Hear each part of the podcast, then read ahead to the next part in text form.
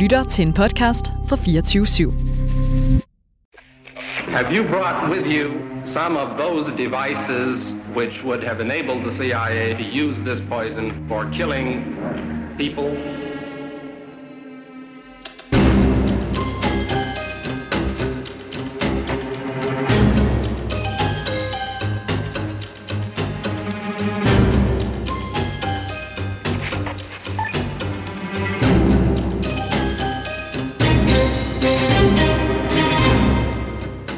Jeg mener, at jeg har været i udkanten af efterretningstjenesterne.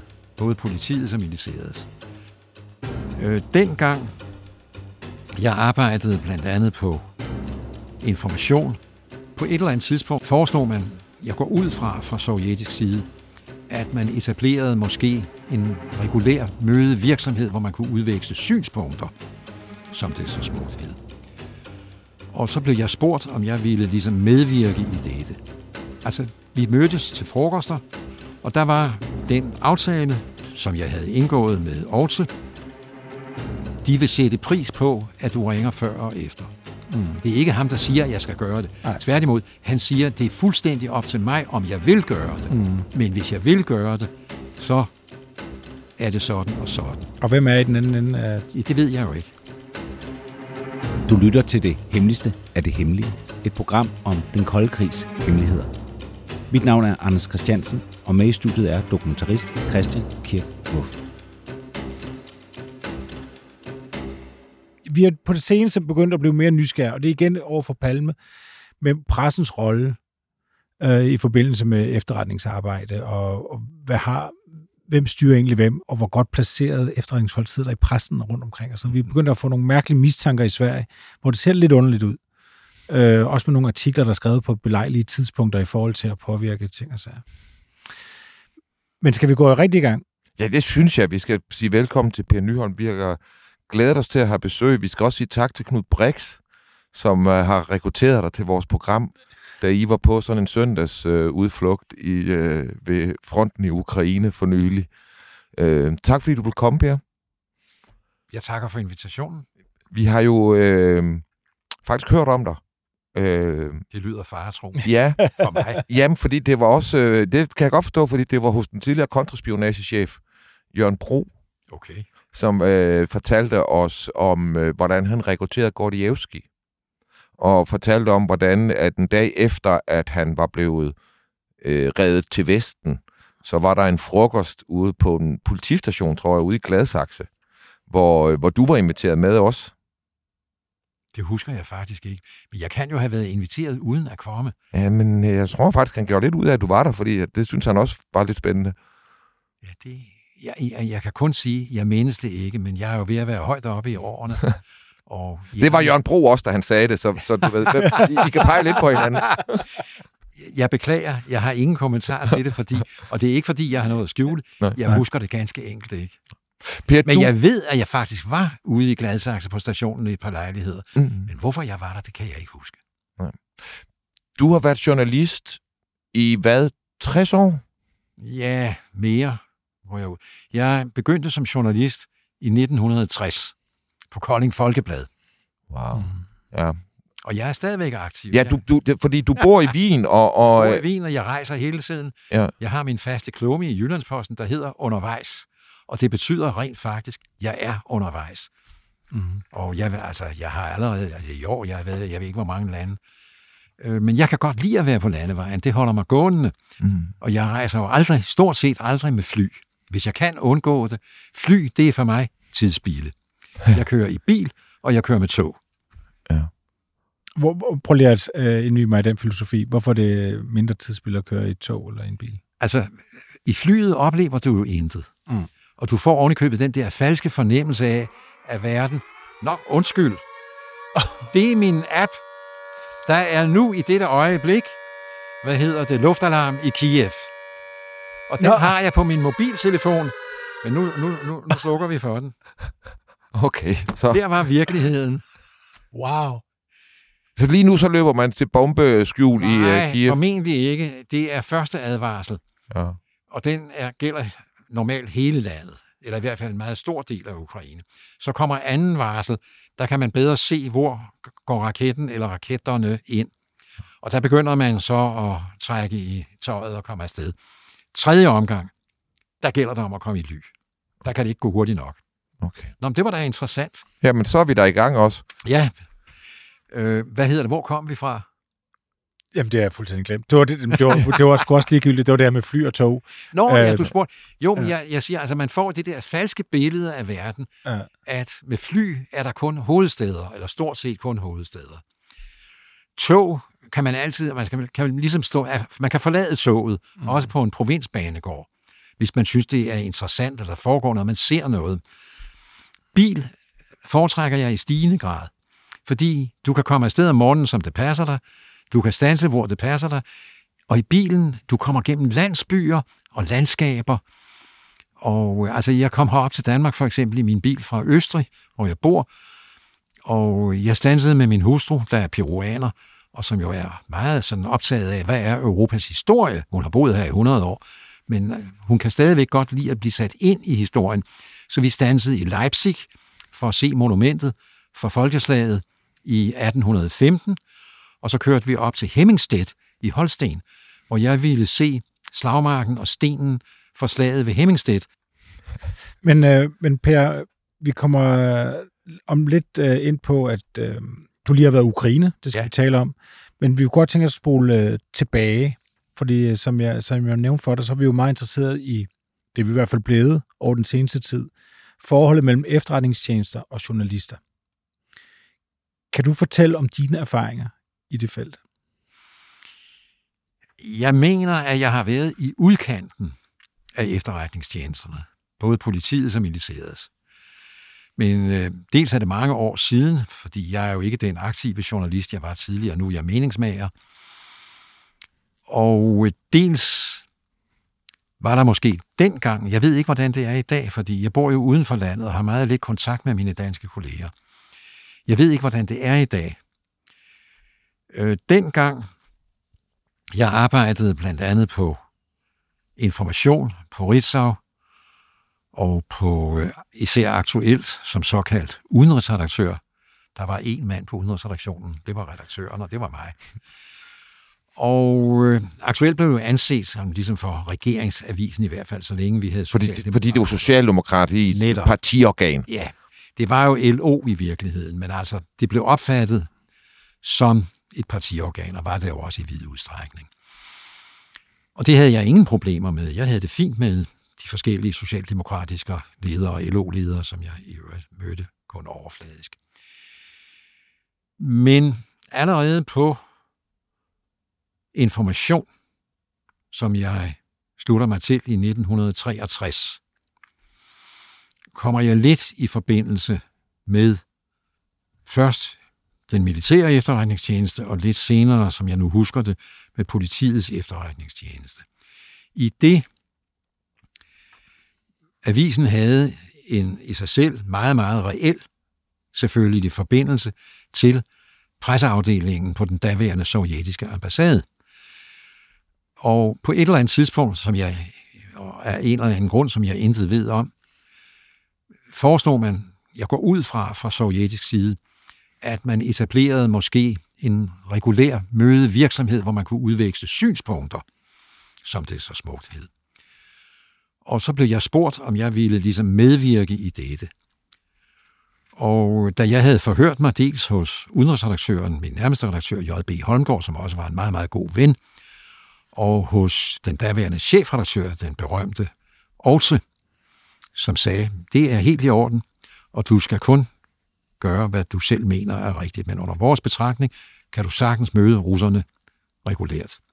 Og det gjorde vi så. Jeg tror, jeg spiste frokost med, den, med de skiftende sovjetiske presserådgivere.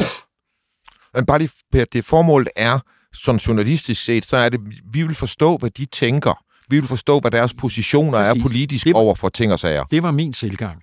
Jeg vil gerne vide, hvad de tænker. Mm. Jeg vil gerne vide, hvad de ved. Og jeg brugte det også øh, ofte i artikler. Øh, ikke så meget på Ritzau. Jeg tror ikke rigtigt, der skete noget på Ritzau. Altså, muligt, jeg, jeg har holdt forbindelsen. men både på aktuelt og på information førte, til, førte det til artikler fra min side. Blandt andet skrev jeg jo også ledere på information, pudsigt nok. Altså, jeg var jo meget, meget ung. Men ikke desto mindre skrev jeg ledere. Og hvor meget og hvor lidt det influerede, det ved jeg jo ikke. Men jeg fik og ville have en fornemmelse af, i det omfang det overhovedet var muligt, hvad tænker russerne? Og det synes jeg var nyttigt. Jeg synes, det var fagligt og sagligt rigtigt. Hvad russerne fik ud af det, det skal jeg ikke kunne sige. Men øh, altså, vi mødtes til frokoster regelmæssigt og talte om et eller andet. Ofte talte vi faktisk om et tema. Jeg tror, russerne kunne godt finde på at sige, vi bør tale om dette eller hins. Og det gjorde vi så. Og der var den aftale, som jeg havde indgået med Aarhus, og som selvfølgelig virkede i forhold til den relevante efterretningstjeneste, politiet eller ministeriets. Jeg meddelte tilbage på et telefon. Jeg skal lige være med på. Aarhus agerede på vegne af en efterretningstjeneste. Han ville, for, det, det går jeg ud fra.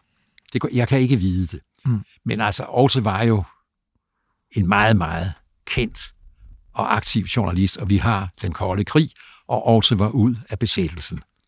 Så det ville undre mig meget, om han ikke på den ene eller den anden måde havde en forbindelse. Men jeg ved det ikke. Og så ved jeg selvfølgelig, at han også var optaget af at beskytte mig. Men, og det var vigtigt for ham, at jeg forstod, og det gjorde jeg, at jeg ikke behøvede at gøre noget som helst, hvis det var det, der passede mig bedst. Men jeg havde ikke noget imod at være en anelse hjælpsom over for, hvad jeg anså for en vigtig og relevant øh, offentlig tjeneste. Offentlig selvfølgelig ikke i anden henseende, den var naturligvis dybt hemmelig. Jeg vidste faktisk ikke, hvem jeg ringede til, når jeg ringede på et specielt telefonnummer. Ja, det skal vi lige på plads. Og så beder dig om, at når du mødes med russerne, så skal du forinden eller efter ringe til et telefonnummer. Nej, ikke helt. Og til siger, de vil sætte pris på, at du ringer før og efter. Mm. Det er ikke ham, der siger, at jeg skal gøre det. Ej. Tværtimod, han siger, at det er fuldstændig op til mig, om jeg vil gøre det. Mm. Men hvis jeg vil gøre det, så er det sådan og sådan. Og hvem er i den anden ende? At... Det ved jeg jo ikke. Altså, ja, det er jo, så, det er jo spillets regler. det, det er her, vi er. Det ved jeg ikke. Men aftalen er, og den holder i Danmark, så længe jeg er i Danmark, at jeg ringer på forhånd og siger, jeg har et møde. Jeg siger ikke nødvendigvis i telefonen med hvem, jeg siger bare, jeg har et møde. Vi, vi mødes der, her og der, og det varer formentlig så, så længe. Og der er begrundelsen fra deres side, den begrundelse, jeg får fra deres side, at så kan de trække deres personale tilbage, som overvåger denne russiske diplomat. Så der er sparet penge og mandskab, som kan bruges andet steds. Fordi du jo sådan set overvåger ham, kan man sige, eller ja, altså, rapporterer, hvad der sker. til mig. Ja, ja. Mm. Hvorfor ved jeg ikke, men det har de. Mm-hmm. Kunne det have en anden funktion, undskyld Per, ja. at, øhm, at man kan sige, det egentlig også frikender dig? Hvis du nu mødtes med russer uden at oh, melde det. Oh, ja. Så det har den funktion, at det, du på en eller anden måde Det også tror jeg, du har fuldstændig ret i. Øh, og vi har jo eksempler på andre, som netop ikke har meldt, meldt tilbage, og ikke har ville oplyse noget som helst. Tænker du på Jørgen Dragsdal? Man kan jo tænke på mange. Ikke, ikke på mange, men man kan også tænke på Dragsdal. Og jeg havde ingen lyst til at komme i den situation, og jeg så ingen grund til at komme i den situation. Fordi jeg røbede jo intet andet, end at jeg var sammen med, og det ville de jo vide, hvis jeg ikke underrettede dem, så ville de jo være til stede, så ville der sidde en eller anden person i nærheden af det der bord, og finde ud af det. Altså, så jeg, jeg, havde, jeg havde ingen vanskeligheder med det, og det eneste, de bad om, jeg ved ikke, om de bad om mere i øvrigt. Men det eneste, vi kunne enes om, var, at når samtalen var færdig, så ringede jeg tilbage og sagde, at samtalen er overstået, og temaet var dette eller hint. Men ingen detaljer. Det betingede jeg mig. Det snakkede vi aldrig om. Det var mellem russeren og mig. Men det er jo, det her det er jo grås, gråzonen, fordi nogle gange så ser vi jo ude i verden, at så bliver journalister anholdt. Ikke? Og så siger man, nej, hvor er det slemt, at det og det styre har anholdt journalister, og at man skal have fri, og du ved, så videre og så videre. Men hvis journalister samtidig nogle gange går ind i gråzonen, og du ved, så må man jo også sige, hvor meget er de så journalister, og, og skal have den beskyttelse, som journalister skal have. Det er jo lidt på samme måde, hvis man bruger læger eller røde korsfolk. Øh, der er jo nogen, som vi siger, jamen, de skal holde sig for gode. Altså, jeg, jeg, hvad tænker du om det? Det er jo en holdning, man kan have, og som man kan respektere. Jeg lagde ud på et tidspunkt, hvor den kolde krig var meget varm, og hvor der var altså en, en trussel, som vi vel først nu begynder at opleve en gang til, i og med, hvad der foregår i Ukraine og i Mellemøsten, og måske begynder at komme op på Balkan. Og som overbevist demokrat så jeg ingen, og ser stadigvæk ingen problemer, ingen moralske problemer, ingen angribelige øh, punkter, hvor man kan sige, her overtræder journalisten sine grænser, sine etiske grænser. Jeg kunne ikke gøre meget, men jeg så ingen grund til ikke at give en efterretningstjeneste, hvilken det i øvrigt den var, en hjælpende hånd. Øh, og det vil jeg stadigvæk ikke gøre. Nu er der, der er intet tilbage af det her år. Der er ikke et menneske i disse øh, i den anden ende, så at sige, der interesserer sig for, hvad jeg skriver. Men øh, altså, det lidet, jeg kunne gøre der, det gjorde jeg gerne. Jeg gjorde det med, med god samvittighed. Jeg gjorde det med fuldstændig åbne kort over for øh, mine redaktører, og jeg står fuldstændig ved det til denne dag. Fedt. men, det, men, men vi ved jo noget nu, øh, øh, som du jo ikke vidste dengang.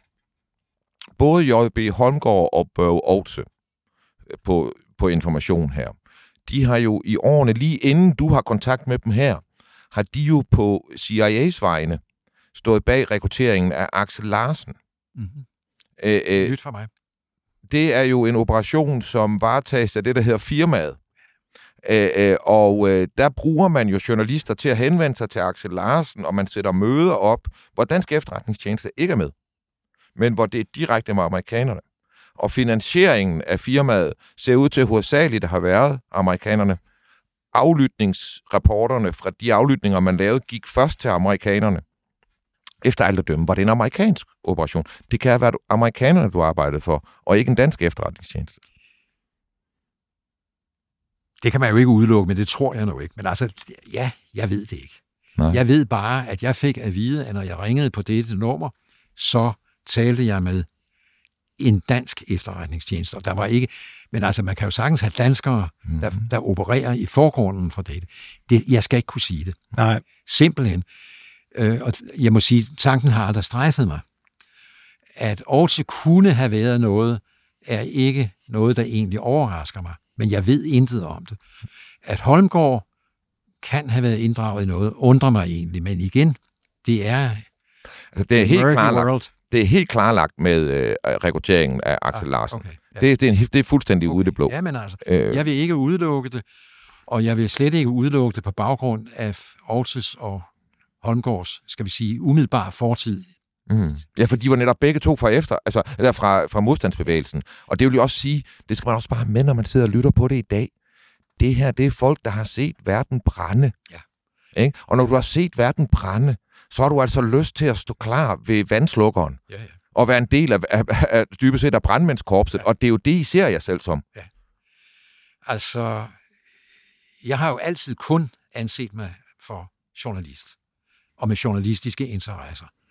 Men som sagt, jeg gentager, jeg havde ikke noget imod på det meget beskeden, i den meget beskedende udgave, jeg kunne, at give en hjælpende hånd. Og jeg blev opfordret, måske indirekte, så af Holmgård og af Aarhus, der jo i så fald har haft en lidt anden funktion, end den, jeg var opmærksom på, og som for mit vedkommende betød, at jeg anså dem begge, men Holmgård især, for personlige venner.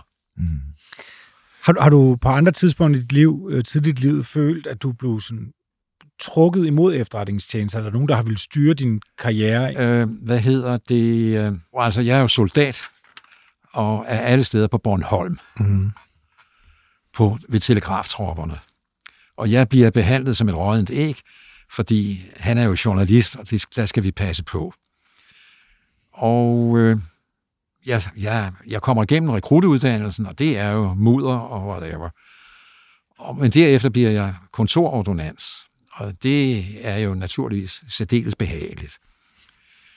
Og jeg kan bestemt ikke klage over den behandling, jeg fik på Bornholm. Jeg var der i, jeg tror, 14 måneder. Og det er jo et lidt specielt sted. Mm. Og det fik man jo også et vist indblik i.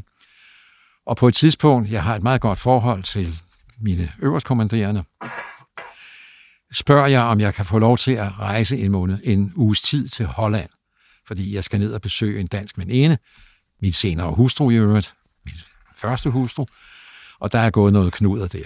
Jamen, det, det kunne godt lade sig gøre. Men kunne jeg lægge vejen om af Berlin, fordi de havde en lille pakke, der skulle afleveres i Berlin? Ja, det er altså, det, hvorfor ikke? Hvis jeg kunne få en uges frihed, så kører jeg da gerne suren rundt, rundt omkring Berlin. Om de rent faktisk betalte rejsen til Berlin, det ved jeg ikke. Det kan jeg ikke huske. Formentlig ikke. Men jeg blev i hvert fald sendt afsted med en pakke. En lille bitte pakke, der skulle afleveres der og der på det og det tidspunkt. Og det kørte perfekt. Alt fungerede. Jeg fik afleveret min pakke, fortsat til Holland og kom tilbage til Bornholm. Og det var det.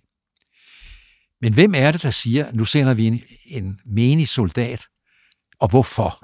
Det var første gang, det strejfede mig til Berlin. Mm. Altså, det er ja. helt hen i vejret. Ja.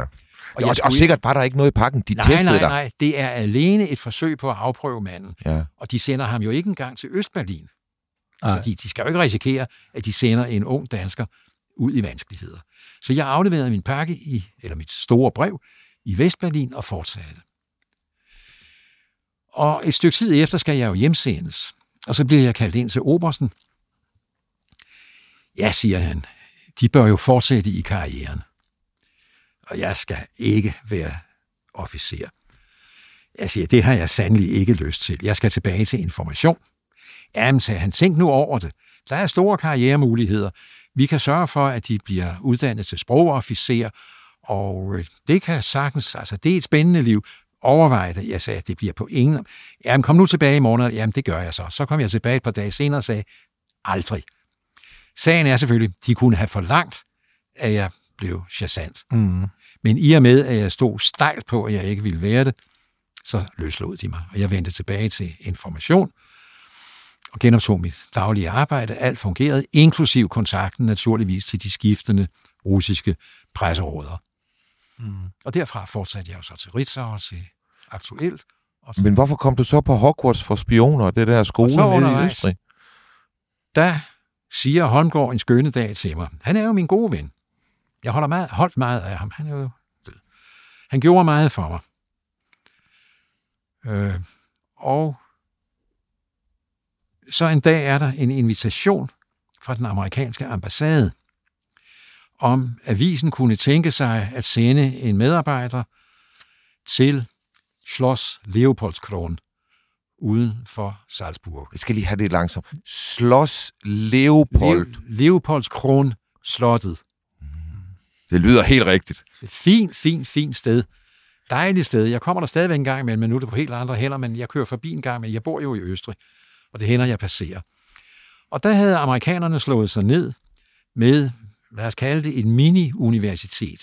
Og der samler de så over, jeg tror, nogle måneder hvert år, en større samling unge mennesker, som på en eller anden måde virker lovende under deres betragtning.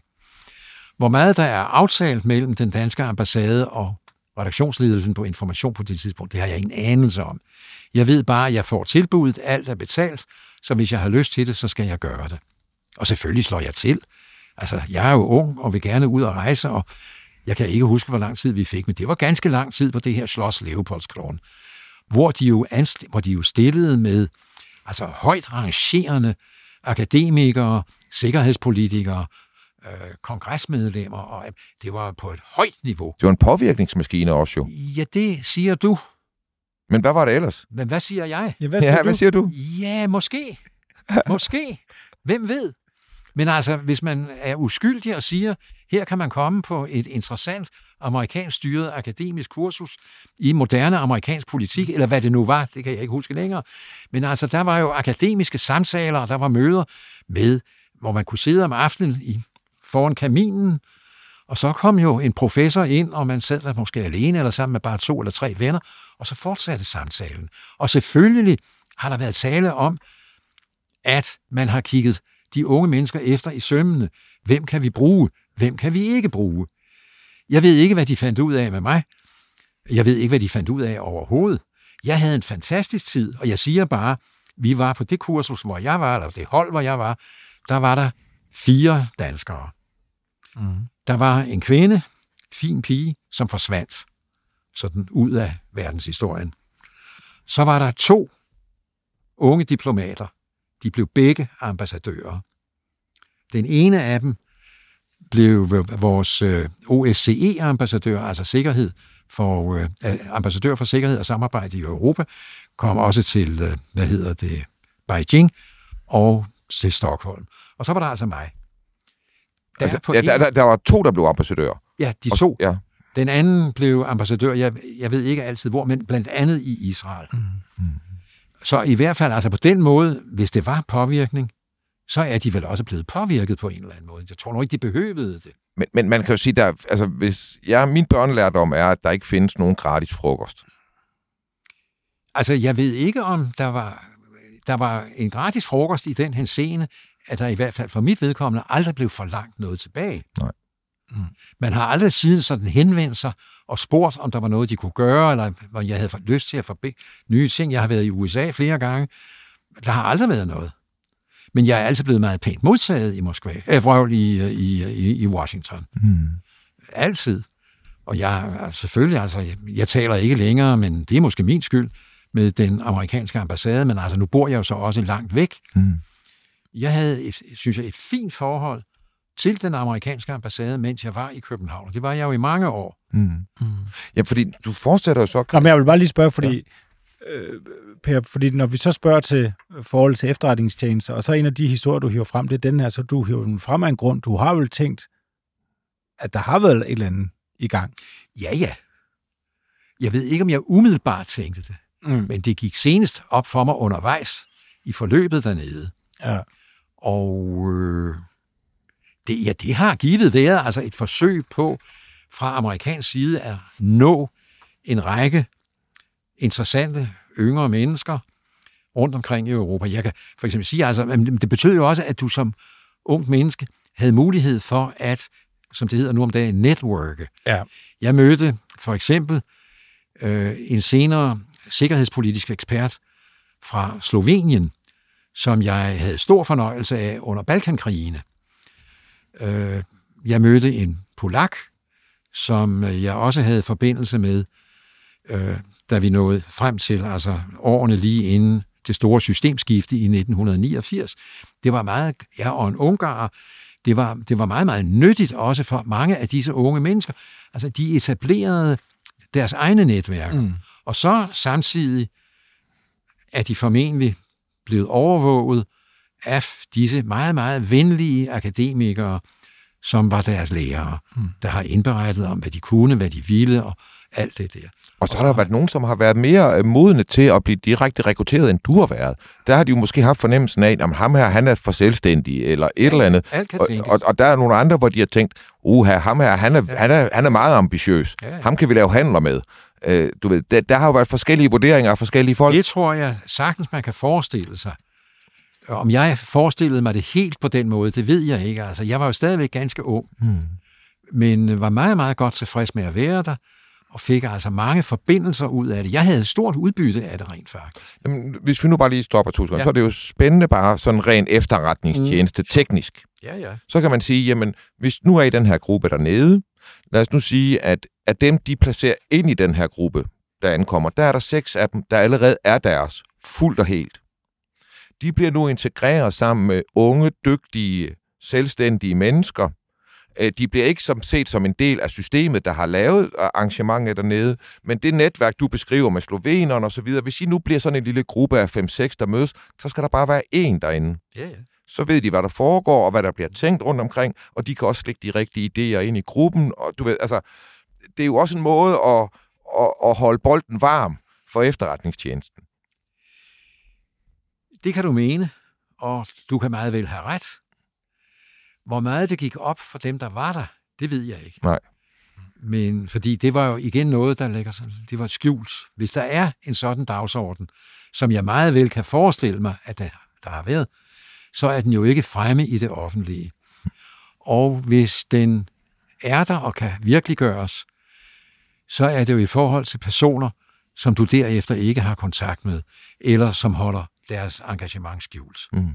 Men altså ja, Men det er jo spændende, Per, fordi så har du den her øh, rejse i 60'erne, hvor du er tæt på J.B. Holmgaard også, og, og oplever det her nede i, i Østrig. Og så bliver du øh, tæt kontakt med Gordievski. Jamen, det er, jo, det er jo en følge af det, jeg allerede forklarede, altså at man havde den der. Og det er måske, jeg, jeg ved det jo ikke. Det kan meget vel være sat i værk. Altså den forklaring, jeg har, er, at vi havde jo et udmærket samarbejdsforhold. Altså vi var naturligvis ikke venner. Men vi, vi samarbejdede jo med blandt andet russerne, fordi vi skulle vide, hvad der foregik. Ja, det var derfor, I havde møderne jo. Vi havde møderne, og der begynder det jo med forskellige. Nogle af dem har jeg glemt, en enkelt husker jeg stadigvæk. Rogov, som jeg spur- siden spurgte til under et ophold i Moskva, som i øvrigt var organiseret af Gordievski, og hvor det, det lå på temmelig højt plan, men altså ikke politisk plan, men ekspertplan. Sikkerhedspolitikere. Geopolitikere. Og jeg spørger efter Rogov, og en af dem siger, han var en eventyr. Han eksisterer ikke længere. Eller han er ikke her længere. En eventyr i et russisk system, det er ikke en god anmeldelse. Nej. Og jeg fik så sådan, at han landede vist nok i Sibirien. Men altså, who know? Ingen ved det. Var et sidespring. Altså, jeg, øh, jeg kom lidt i Moskva, hjulpet blandt andet af Gordievski. Mm. Oleg Gordievski, som træder ind på scenen officielt som, jeg tror, han var næstkommanderende i presseafdelingen på den, russi- på den sovjetiske ambassade. Og han kontakter mig og siger, kan vi mødes? Og vi kan mødes. Selvfølgelig, altså det ligger jo i, i det forløb, vi hele tiden har. Så jeg fortsætter med ham, hvor jeg har været tidligere. Og det står på i ganske lang tid, altså alt den tid, han er i København. Og der rapporterer du så før og efter, hvad er temaet, og hvor mødes I, og hvornår? Tid, sted og tema. Mm. Det er en samtale, der måske tager et halvt minut. Ja, når du rapporterer ind. Ja, jeg ringer på det der telefon Ja. og siger, jeg skal have det og det møde, det og det sted, for jeg ved jo ikke, formentlig ikke, hvad temaet er. Nogle gange var det aftalt, andre gange ikke. Tak. Og så melder jeg tilbage. Mødet er overstået. Øh, temaet var det, der helt. Men ingen enkeltheder. Den gik ikke. Mm. Der, der, og det respekterede de fuldstændigt. Hvornår er det seneste, du har ringet til det der nummer? I går. Nej, nej, nej. jeg har ikke talt med dem. Se, jeg forlader landet i 1980. Det er formentlig i 1900, efteråret 79. Efteråret 79. Altså, men jeg ved det ikke. Nej. Og det, men altså, det, det var en, en kontakt, der fortsatte, øh, hvad hedder det, også på aktuelt, og ikke mindst på aktuelt, der jo netop blev anset for et regeringsorgan, og hvor russerne jo så fejlagtigt i øvrigt mente, at jeg havde mere viden end så mange andre. Der blev du ekstra interessant for dem, Ja. hvilket jo fortæller, at det var en tovejs ting, det her. Ja, ja. De havde noget, de ville have ud af dig, når de Ja, mødtes. ja, men altså, det var en klar handel. Men jeg skal bare lige sige det, fordi det gør det jo interessant, at Holmgaard peger på dig. Holmgaard ved jo godt, hvad det er, der sker i de her samtaler. Han ved jo godt, at der er nogle russere her, som vil forsøge at finde ud af alt det, de kan fra den her journalist. Så derfor så skal han sende en, som han er tryg ved, at ikke, ikke alere i russernes hænder, men som også forstår, hvad der er det rigtige og det forkerte i den kolde krig. Altså, det er vel også en del af hans overvejelser, når han tager dig. Jeg ved det ikke. Men igen, mange af dine tanker om det her er jo tanker, som jeg sagtens kan tilslutte mig. Mm. Jeg, jeg ved ikke, hvad, skal vi sige, Aarhus og Holmgaard Og Nej, det, det er også bare for at sige, men logikken vil jo være, som logikken jeg beskriver. er, er helt klar, men altså, det er jo ikke altid, der er logik i de her ting. Det kan jo også være tilfældigheder, der gør det. Jeg ved det ikke. Nej, det, det, det er jo det, jeg ikke tror. Jeg tror ikke, at under den kolde krig så laver en kontakt til den russiske Nej, ambassade nej. på den her måde, og så gør det tilfældigt. Nej, nej. Det, det, det, nej, der er ikke nej, nogen nej, tilfældigheder, hvad det her det er, angår. jo, det er jo da meget sandsynligt. Altså Holmgaard og jeg havde det fint sammen, fordi jeg kommer jo ind på redaktionen i august 63. Jeg kommer fra Folkebladet i Ringsted. Han har fundet mig der. Og øh, hvorfor han siger, du skal komme til information, og jeg var ved at falde ned af stolen. Han inviterede mig ud til frokost i Ringsted og sagde, vi har set dig. Men hvad lavede din far? Det kommer.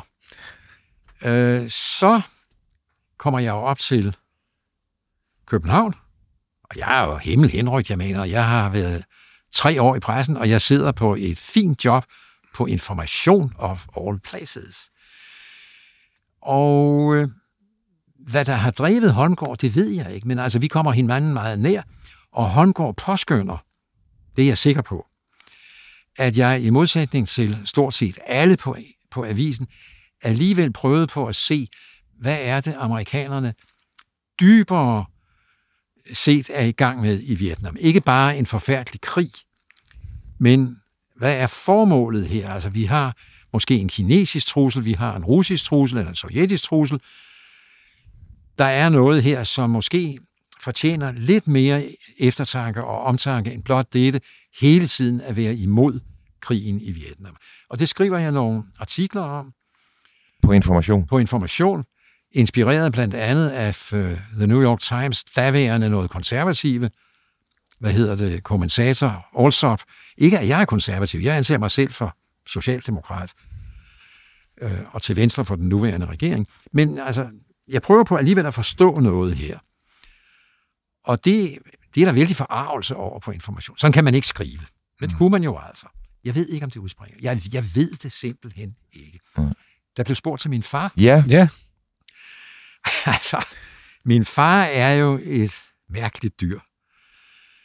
Øh, jeg tror, min første bog, Europæerne, nej, det var min anden, nej, det var min første bog. du har skrevet så mange, du ikke kan huske fra rækkefølge nu. Ja, nej, det er, den, det er den første. Jeg mener, det er den første, Respekt. som jeg dedikerer til min mor, der gjorde mig dansk, og min far, der gjorde mig europæisk. Min mor var en ganske almindelig, sund og fornuftig dame, der ikke var særlig velbeslået.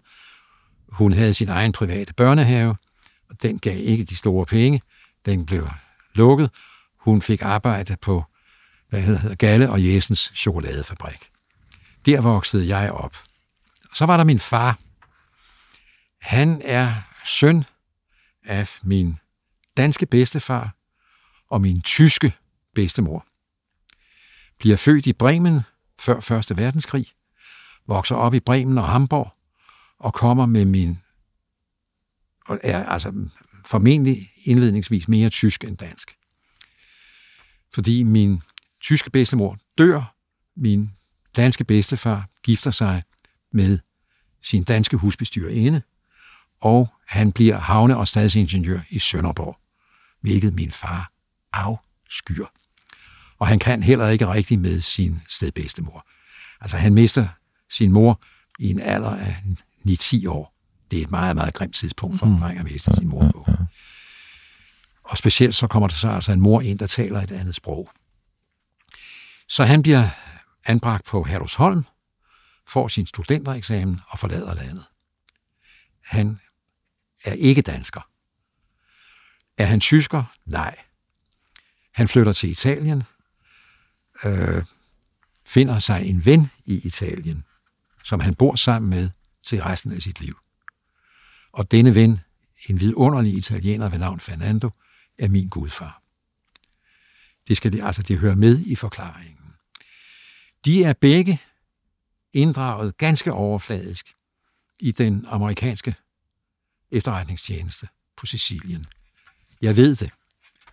Jeg ved det, fordi jeg har stadigvæk uniformsknapper og ting og sager. Og de bliver fængslet. Nando tilbringer årene, jeg ved ikke hvor længe, i den himmelske dronnings fængsel i Trastevere. Den himmelske dronning. Himmelske- Det lyder godt nok som en øh, falsk betegnelse. Ja, men det var nu det, den hed. Eller det, det hed. Og min far bliver udvist Til. til Danmark. Okay. og kommer så med tog op igennem Danmark, eller op igennem Europa. Og det er jo altså her i det første eller andet krigsår. Men der, han skal hjem. Men der skal jeg lige være med på. I det første eller andet krigsår, der er de allerede rekrutteret af amerikanerne. Ja, ja, for han bliver udvist som følge af mistænkelig virksomhed på Sicilien, hvor man jo forbereder invasionen af Mm. Sicilien. Mm. Jeg tror ikke, der kan... Jeg ved det igen ikke, men jeg, det, jeg har så meget materiale, at det kan jeg godt slutte af det.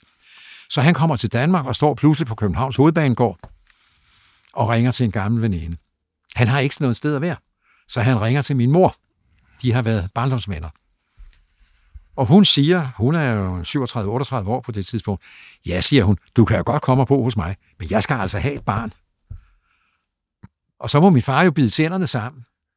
Og så flytter han ud til hende i Vanget, og jeg bliver født i 43. Barn, barn for seng projekt. Og ja, apropos projekt, jeg er jo min mors projekt. Det er der ja. ingen tvivl om. Min far bliver i Danmark indtil første øjeblik, hvor han kan forlade landet igen, forlader hustru og søn, flytter via Pulak, det amerikanske efterretningshovedkvarter i Bayern, til Italien, men arbejder nu helt officielt for den amerikanske efterretningstjeneste i Pulak i en periode. Hvor længe ved jeg ikke. Hvor han har brevcensuren mellem Danmark og Tyskland. Fordi han er jo opvokset med det tyske sprog, og han kender dansk ud og ind. Ja, dens kultur. Du, Alt hvis du skal muligt. lave brevcensur, skal du også kunne kultur. Han er det, det perfekte valg der, og der er han i nogle år. Så vender han tilbage til Nando i Rom. Og jeg begynder så at at rejse frem og tilbage. Fortalte du ham nogensinde, hvad du lavede, når du ringede til nummeret? Jeg gad vide, om han ikke... Nej, det tvivler jeg stærkt på. Ja. Fortalte han dig nogensinde, at han Nej. lavede de her ting? Nej, nej. Nej, så det var hemmeligheder, I havde for hinanden? Jeg ved det ikke. Jeg ved ikke, om han... Det kan også være, at han bare har glemt det. Mm. Han var i virkeligheden ikke nogen særlig god agent, hvad det angår. Det var et kontorarbejde, mener jeg snarere. Han var optaget af renaissance og barok og hvidvin. Det er altså også fede emner, mand. Hvis man skal have noget, der konkurrerer med spioner, så er det tæt Men på. altså, nej. Jeg tror, han var meget, meget godt tilfreds med, at jeg blev journalist. Mm. Modsat min mor. Hun synes, det var noget underligt noget. Så skulle du have været kaptajn på kongeskibet. Nej, jeg skulle have været præst eller et eller andet, altså, eller forsikringsagent eller noget andet, altså for journalist, hvad skal det til? Og jeg så ringede hende og sagde, jeg er lige væk, jeg skal til Mellemøsten, eller jeg skal til Burma, eller whatever. Hvad skal det dog til for? Men tror jeg, der fik vi jo forklaring på, hvorfor han måske ringer til dig på Ringsted Dagblad. Nå, men jeg, skal, altså, det er Ja, først, ja. jeg kendte ikke den historie. Det første, Nej, da du siger det, ja, så ja. siger jeg din far, og så fortæller du mig, at han er CIA. Altså, du... Det, det, Ja, det var så ikke CIA, det var SOS dengang. ja, ja, ja, ja, ja, men, men Ja, ja, men altså, det kan jo ikke udelukkes. Det kunne jo også være, at, at Per har skrevet nogle gode artikler i, i Ringsted. Det skal man jo lige... Det kan jo godt Øh, jeg, være. Jeg skrev om, jeg blev sat til af Per Winter at redigere og skrive om udlandet. Jeg tror, at Per har skrevet nogle fremragende artikler. Det tror jeg bare, der var mange, der gjorde. Hvis du sad og ville have fat i en ung mand, som du kunne stole på Ja, i forhold til nogle sensitive sager, så er det godt med en, der har det med i blodet. Sådan har vi jo set i hvert fald i mange andre sager, jeg, jeg, at man jeg tænker. ved ikke noget om den slags. Altså, det er helt ærligt. Jeg, jeg, jeg, jeg, jeg arbejdede jo bare, og der var folk, der ringede, og jeg synes, det var sjovt at møde dem. Jeg forstår dig, jeg forstår dig. Men, og Gordievski, ham møder du mange gange. Ganske mange gange. Ja. Hvornår begynder du at fornemme, at der er særlig interesse omkring ham? Får du nogensinde fornemmelsen af det? Nej, Jeg ringer jo bare og siger, at jeg har mødt ham, og de ved, hvem det er. Men du har så mødtes med ham, efter han er blevet rekrutteret også. Så, Så du har siddet og talt med ham, efter han... sker, ja, ja. Længe efter. Der sker jo det. Altså, vi mødes regelmæssigt, og jeg tror jo, han er den sovjetiske ambassades næstkommanderende på presseområdet. Og det er det eneste indtryk, han giver. Der er aldrig noget med, at han forsøger at få mig over på sin side. Overhovedet ikke. Slet ikke. Mm. Og han er langt den bedste begavelse af dem, jeg møder. Men han er jo stadigvæk en mand, som hvis du spacerer ned ad strøget, så lægger du ikke mærke til ham. Han er fuldstændig anonym. En relativt spinkel, adræt, grå mand. Lettere skaldet. Du ser ham ikke. Altså, jeg kommer jo med mit silkehalstørklæde og mine sorte handsker og alt. Jeg vil jo gerne være den elegante journalist. Det har jeg jo også været i krigens tid. Jeg stillede altid velklædt. Hvid Ligesom i dag. Som i dag. Ja. Altså, jeg synes måske, jeg vil gerne være noget andet end mange af mine kolleger, som, som jeg mener optræder for tjusket. Og derefter, Anders, det er dig og mig lige nu. for eksempel, nej, det synes jeg nu så ikke. Men altså blandt andet, det, det indgyder jo en vis respekt, når du når frem til en hovedperson. Anyway, så måske vil man se mig, jeg ved det ikke, men Gordievski er jo den typiske agent, som du ikke ser. Du kan ikke huske ham. Det er jo det samme. Jeg talte med en af vores ambassadører, gamle ambassadører forleden, som har mødt Putin. Og han kan dårligt beskrive ham. Han ser ham jo på billeder og fjernsyn. Men han har mødt ham i, øh, i St. Petersborg. Og jeg spurgte, hvordan? Ja, det, ja det, er jo, det er jo ikke rigtigt til at sige. Han havde ikke noget indtryk af ham. Det er jo den fødte agent. Mm. Men jeg mødte Gordievski ofte. Vi havde gode samtaler og kunne udvikle analyser sammen. Og så er han væk. Han skal tilbage til Moskva. Og jeg er der lidt endnu. Øh, så, kommer jeg til, så kommer jeg fra Aktuelt. Ja, det må være fra Aktuelt til Jyllandsposten. Det, det bliver aftalt i efteråret, 69, i efteråret 79. Og jeg flytter til... Jeg er i London 1. januar. Jeg kan godt lide at være præcis. Jeg var i London 1. januar kl. 9 om morgenen. Og jeg sendte en historie, jeg havde skrevet på, på skibet på vejen over. Så du er korrespondent i London for Jeg, jeg blev Jyllandsposten. ansat som korrespondent i London. Mm. Man ville egentlig oprindeligt have ansat mig som korrespondent i Bonn. Jeg sagde nej tak, for jeg sagde, hvis jeg lander alene i Bonn, så drikker jeg mig ihjel. Men Og så, og så mener du, at London er bedre? ja, for der var mere at lave. Ja, det er selvfølgelig rigtigt. Altså, i Bonn kunne Og de lukker også klokken 11. man, ja, det er det næste. Og jeg ville godt over, det var mens Thatcher var der. Det var spændende. Mm. Og jeg havde seks fine år. Ja, og det var det.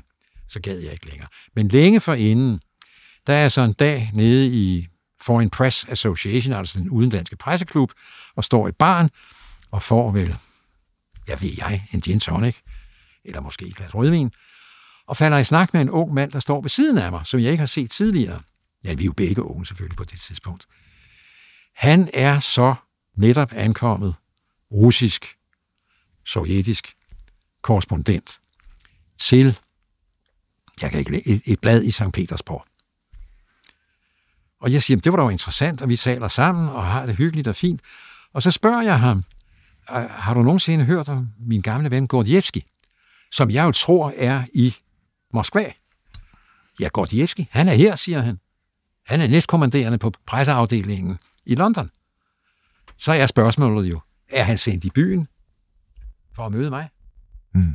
Det kan man jo ikke helt udelukke. Mm. Nej, fordi du kan jo tro, at Gordievski er ude på at rekruttere dig i Ja, virkeligheden. eller, for nej, du... bare genopsag ja, forbindelse. ja, ja, ja. whatever. Øh, men jeg har altid sådan tænkt lidt over det. Hvorfor møder jeg den mand i baren der? Hmm. Og de, altså russerne ved jo selvfølgelig, at jeg er i London. Og nu har de så Gordievski i London. Og Gordievski, og de ved jo ikke noget om Gordievski. Altså russerne ved jo ikke, at Gordievski er dobbeltagent. Nej. Så de siger, nå ja, men der er jo så denne her Nyholm, som vi jo har haft fat i før, og som jo vidste alt muligt om ingenting, eller ingenting om alting. så lad os prøve ham igen. Og han er jo dansker, det vil jo sige, altså han bliver jo behandlet pænt af englænderne, og det kan da godt være. Prøv. Så, og så sender de jo ikke Gordievski i byen, men de sender en ung mand, som hævder, og formentlig med rette, at han er korrespondent til, en dag, til et dagblad i St. Petersborg. Og vi står her, og jeg siger, jamen sig til Gordievski, jeg er her, han får et telefonnummer. Og et par dage senere har jeg Gordievski i telefonen. Og så mødes vi igen. Og det kører regelmæssigt over en længere periode, indtil Gordievski en dag siger, at det er så en tidlig sommerdag, ja, nu skal jeg jo hjem på ferie, siger han. Nå, siger jeg, tillykke med det. Jeg skal faktisk også på ferie, siger jeg. Jeg havde dengang et herligt hus på Korsika, hvor jeg holdt ferie to gange om året. Det var dengang, vi holdt ferie. Det gør vi jo ikke længere. En pensionist gør jo slet ikke. Så huset er længst solgt. Men jeg sad på Korsika i solskinnet og læste The Times og ser en note om, at hvad hedder det, Oleg Gordievski, er blevet fjernet sort fra Sovjetunionen. Og det er nu klart, at han i lange tider har været, hvad hedder det, dobbeltagent. Men det er efter, han er kommet tilbage til Vesten, eller er det efter, han er blevet flyttet tilbage til Moskva? Det, nej, fordi han blev rekrutteret i Danmark. Ja, ja, men... men Og så flytter han til Moskva, ja, og derfra rapporterer han formentlig også, men jeg ved det jo ikke. Nej. Så bliver han flyttet, for de ved ikke noget. ja, til Til London. London. Ja. Og havde de vidst noget, så havde de jo hugget hovedet af ham. Nej, fordi han bliver sendt hjem, fordi de er i tvivl. Så, nej, han vender hjem på ferie. Nå, okay. Han vender hjem på ferie der i, jeg forlader London i 76, 86. Mm. Hvilket år det er, men det er, det er sådan, det er sommeren 86, han, han hopper af. okay, Det ved der vi. sidder, jamen det, er jo, det passer så. Ja. Og der sidder jeg på Korsika og gør klar til at flytte til Østeuropa i øvrigt. Jeg siger til mig selv, det var dog lige godt meget. Jeg har kendt den mand i måske 10 år eller sådan noget. Og så begynder jeg at sætte mig lidt ind i det, og så finder jeg ud af, hvem han er egentlig, og tænker, det er dog fantastisk.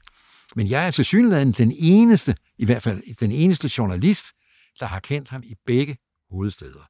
Både i London og København. Og i London var arrangementet nøjagtigt det samme som i København. Det vil jo sige, altså mine venner i København, de har jo talt med deres venner i London. Det var præcis den samme opringning. Så kunne de frigøre folk og vinde tid og alt det der. Tid, sted, tema. Og de var godt tilfredse, går jeg ud fra. Fordi det, der så sker, er, jeg flytter til Wien, og, øh, og, og så begynder det jo at, at, at summe over alt i Østeuropa, og jeg glemmer sådan set, hvad det hedder, det Gordievski. Men foreslår dog så en dag den daværende chefredaktør Niels Tostrup, som jeg holdt meget, meget af, som var en stor journalist med vældig næse for, hvad journalistik var, sagde, lad os ofre nogle penge på det her. Jeg skal tage til London og se, om jeg kan få fat i Gordievski. Jamen, det gør du, sagde han. Afsted. Så jeg ringede til det der nummer og sagde, at de må meget undskylde, men mit navn er det og det. Og jeg ringede tidligere i anledning af en fælles ven, som nu bor i Storbritannien, men jeg ved ikke under hvilket navn og på hvilken adresse. Men kan de sige til ham, at øh, hans gamle samtalepartner med det og det navn er i byen. Jeg vil gerne møde ham. Så gik der ikke ret lang tid, så blev jeg ringet op. Deres ven vil gerne møde dem på Browns Hotel. Det er meget af de små, meget elegante hoteller i London. Klokken det er det, på den og den dag. De vil blive modtaget nede i hallen. Jeg stillede. Der var sådan to-tre mand, der ikke så ud, som om de boede på hotellet. En sige havde ret meget med det at gøre. Men de ledsagede mig så op til en lille suite, og der sad Gordievski. Og så tilbragte, så tilbragte vi en eftermiddag sammen, hvor vi talte om alt det her. Men jeg vil sige så meget, han var stærkt forsigtig. Mm. Han var meget forsigtig. Men altså, ud kom Ja, for han, han lever jo i angst også i Vesten. Det må man gå ud fra, og jeg har tænkt på, om jeg skulle prøve på at vende tilbage til ham. Jeg talte med ham for øh, to år siden, der var han meget svag. Ja, svag, fysisk? Meget. Okay, jamen, så- Altså meget, meget. Jeg har ikke altså, haft noget med ham at gøre siden, Nej. og det er sidste gang, jeg tror, jeg har været i forbindelse med de der tjenester. Jeg kan ikke rigtig komme på mere. Skal du prøve at se. Yes. Dybt inde i et arkiv, som har tilhørt firmaet og Arne Sejer. Ja. Der finder vi den her liste. Der kan du se ud for hver af... Også. Okay. Øh, Det her er, hvad det ser... Altså, vi har svært ved helt at sige, Aalborg hvad betyder det at være på den her liste. Ja. Det vi kan se er, at det her, det er firmaet, der har en liste over medier. Ja. Og det lader til at være de medarbejdere på de forskellige medier, som de har kontakten igennem. Ja. Problemet er, at vi jo kun kender til Aarhus og Holmgaard. Ja. Dem kender vi til i forbindelse med Axel Larsen-rekrutteringen, og så kender vi jo så til dem med den historie, du fortæller i dag. Og den er jo interessant, fordi den fortsætter jo op i 60'erne, Mm. og den fortsætter jo også efter, at firmaet er lukket. Ja. Øh, øh, så det fortæller jo noget om, at noget af det her system kunne godt have eksisteret længere op. Ikke? Og man må jo sige, hvis du kigger på listen der, Ja, ja. det der er jo, det er jo dem, der har fortalt Danmarks historie. ja. Det er, der er mange stærke folk undervejs her. Og Nogle af, dem, nogle af dem har jeg jo også kendt. Det undrer mig ikke. Altså, nu siger jeg måske noget ondt. Det er ikke meningen. Ole Bernd Henriksen kunne man godt forestille sig. Hvordan kunne du forestille dig det? Ja, han, han var jo også på, hvad hedder det, information Mm. on and off, mens jeg var der. Og øh, altså, han skrev jo om de der temaer. Og som sagt, så er vi jo, altså, vi er jo lidt i tvivl, hvad, hvad kan man egentlig konkludere ud fra den her liste? Altså, det er jo ikke jeg, sådan, jeg kan jo ikke konkludere andet, Nej. End at de har skrevet det. nej, det er Nej, det er jo det. Og hvad det betyder, det ved jeg jo ikke. Men vi ved jo så bare, at Autse og Holmgaard blev brugt. Hvis I ved det, Det ved vi. så er det jo sandsynligt, at de indgår i, i det, at fordi de er på denne liste, så er det også fordi denne liste bliver brugt.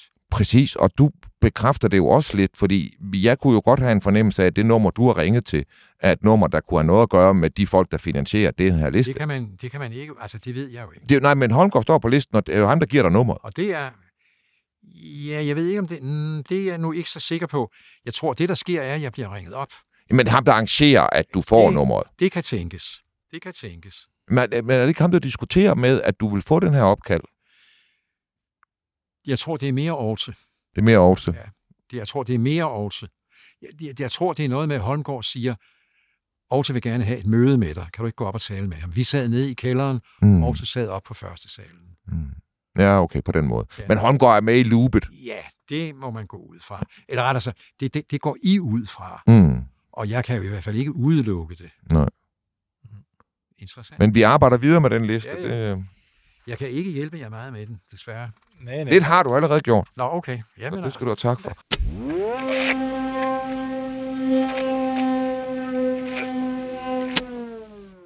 Det bliver jo svært her i verden at finde nogen, der har mere erfaringer fra krigszoner end dig. Ah. Ja, du har været i gang nu i, hvad, 60 år, hvor du har været i konflikterne, når du har kigget Jeg har på. været i Centralamerika, Mellemøsten, Balkan og nu, hvad hedder det, Ukraine. Ja, du er lige kommet hjem fra Ukraine. Hvad ser du der? Hvad, er, det, øh, er det, som du forventer at se i Ukraine, eller ser du noget, som du ikke har set før, når du ser en krig? Altså ødelæggelserne er jo langt større og langt frygteligere end noget, jeg har set andet sted. Større, værre end Balkan? Ja, ja, ja, langt, langt. Altså Balkan står på i, hvad, 4-5 år, og vi har måske 100.000 døde. Vi, nu har, det har stået på nu i Ukraine i ikke to år, Mm. og vi har 600.000, 700.000 dræbte og sårede og forsvundne. Det er langt, langt, langt, langt, langt værre. Ødelæggelserne, som de springer i øjnene, er langt værre. Det var fælt nok, hvad hedder det, øh, på Balkan. Det, jeg var med til i, i Centralamerika, det var Nicaragua og El Salvador, det var jo sådan, altså guerillakampe. Og sådan. Det, var, det var jo ikke noget særligt. Nej, det jo ikke artilleri, der smadrede nej, byer og sådan. Nej, nej, nej. Det, det havde sine egne, sine egne frygtelige sider, men det kunne ikke sammenlignes. Øh, hvad hedder det? Jeg deltager jo, altså nu har jeg jo været med meget især på det. Altså jeg begyndte at komme i Ukraine i 1988, endnu mens kommunisterne var ved magten. Og fordi det begyndte at interessere mig. Og så har jeg været der flere gange. Men siden 2014, da vi har den såkaldte orange revolution, der har jeg været der ofte. Og siden krigsudbruddet må jeg have været der en 6-7 gange. Og jeg kommer der gerne. Det er nemt at arbejde der. Og jeg synes, det er vigtigt at arbejde der. Det er vigtigt, at man fortæller offentligheden, også i Danmark, som jo i denne henseende her er meget udsat, hvad det er, der foregår i Ukraine. Prøver på at gøre klart for de, for de vælgere, der skal vælge, der vælger vores politikere og andre beslutningstagere, at hvad der foregår i Ukraine, er Danmarks fremskudte forsvar. Der tales ganske meget om, at næste skridt, hvis russerne vinder, hvilket jeg nu ikke tror, de gør, er, Balkan, er de baltiske stater. Mm. Det har intet på sig. Hvad skulle russerne med, med de baltiske stater? De har ikke brug for dem. Hvad skulle de stille op med dem? Det er et senere kapitel. Men de har brug for Danmark. Fordi hvis der kommer en større krig, en rigtig stor krig, så skal du have den russiske Østersøflåde ud på verdenshavene. Og de skal altså gennem de danske stræder, gennemsejlingsfarvandene. Danmark, og jeg ved det blandt andet fra det der møde, jeg talte om tidligere, jeg havde med sikkerhedspolitiske og geopolitiske eksperter i Moskva arrangeret af Gordievski. Danmark spiller en central rolle i den russiske planlægning. De viste mig, at det havde de med, det lagde de jo ikke skjul på, fordi alle ved det. Alle, der, der kan tænke og ved lidt om det. Der er ikke De lagde et generalstabskort på bordet, og der har du selvfølgelig Rusland, eller Sovjetunionen. Og så herude på fløjen, der begynder Østeuropa og Vesteuropa, og så ligger Danmark der.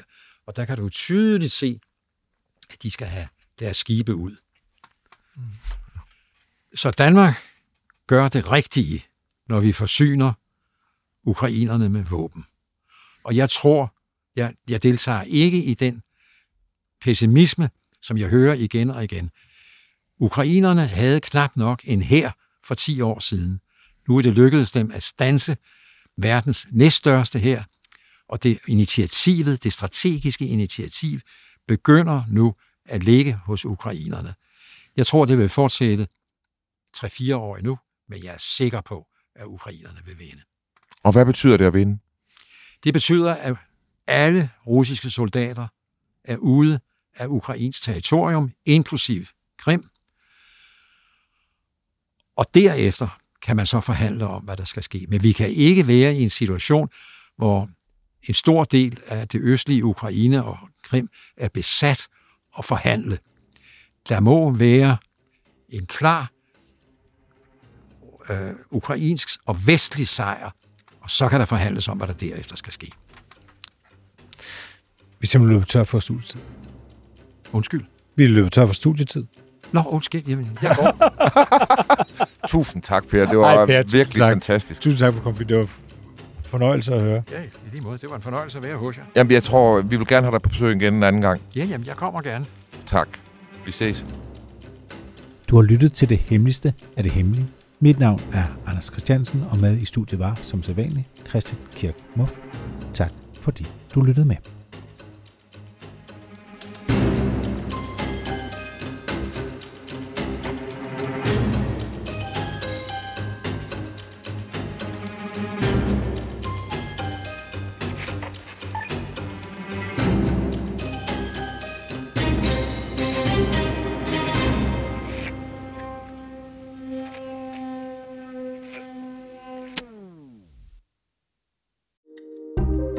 Kære lytter, du har lyttet til et program fra 24 /7. Du kan finde meget mere modig, nysgerrig og magtkritisk taleradio på 24 7 appen Hent den i App Store og Google Play.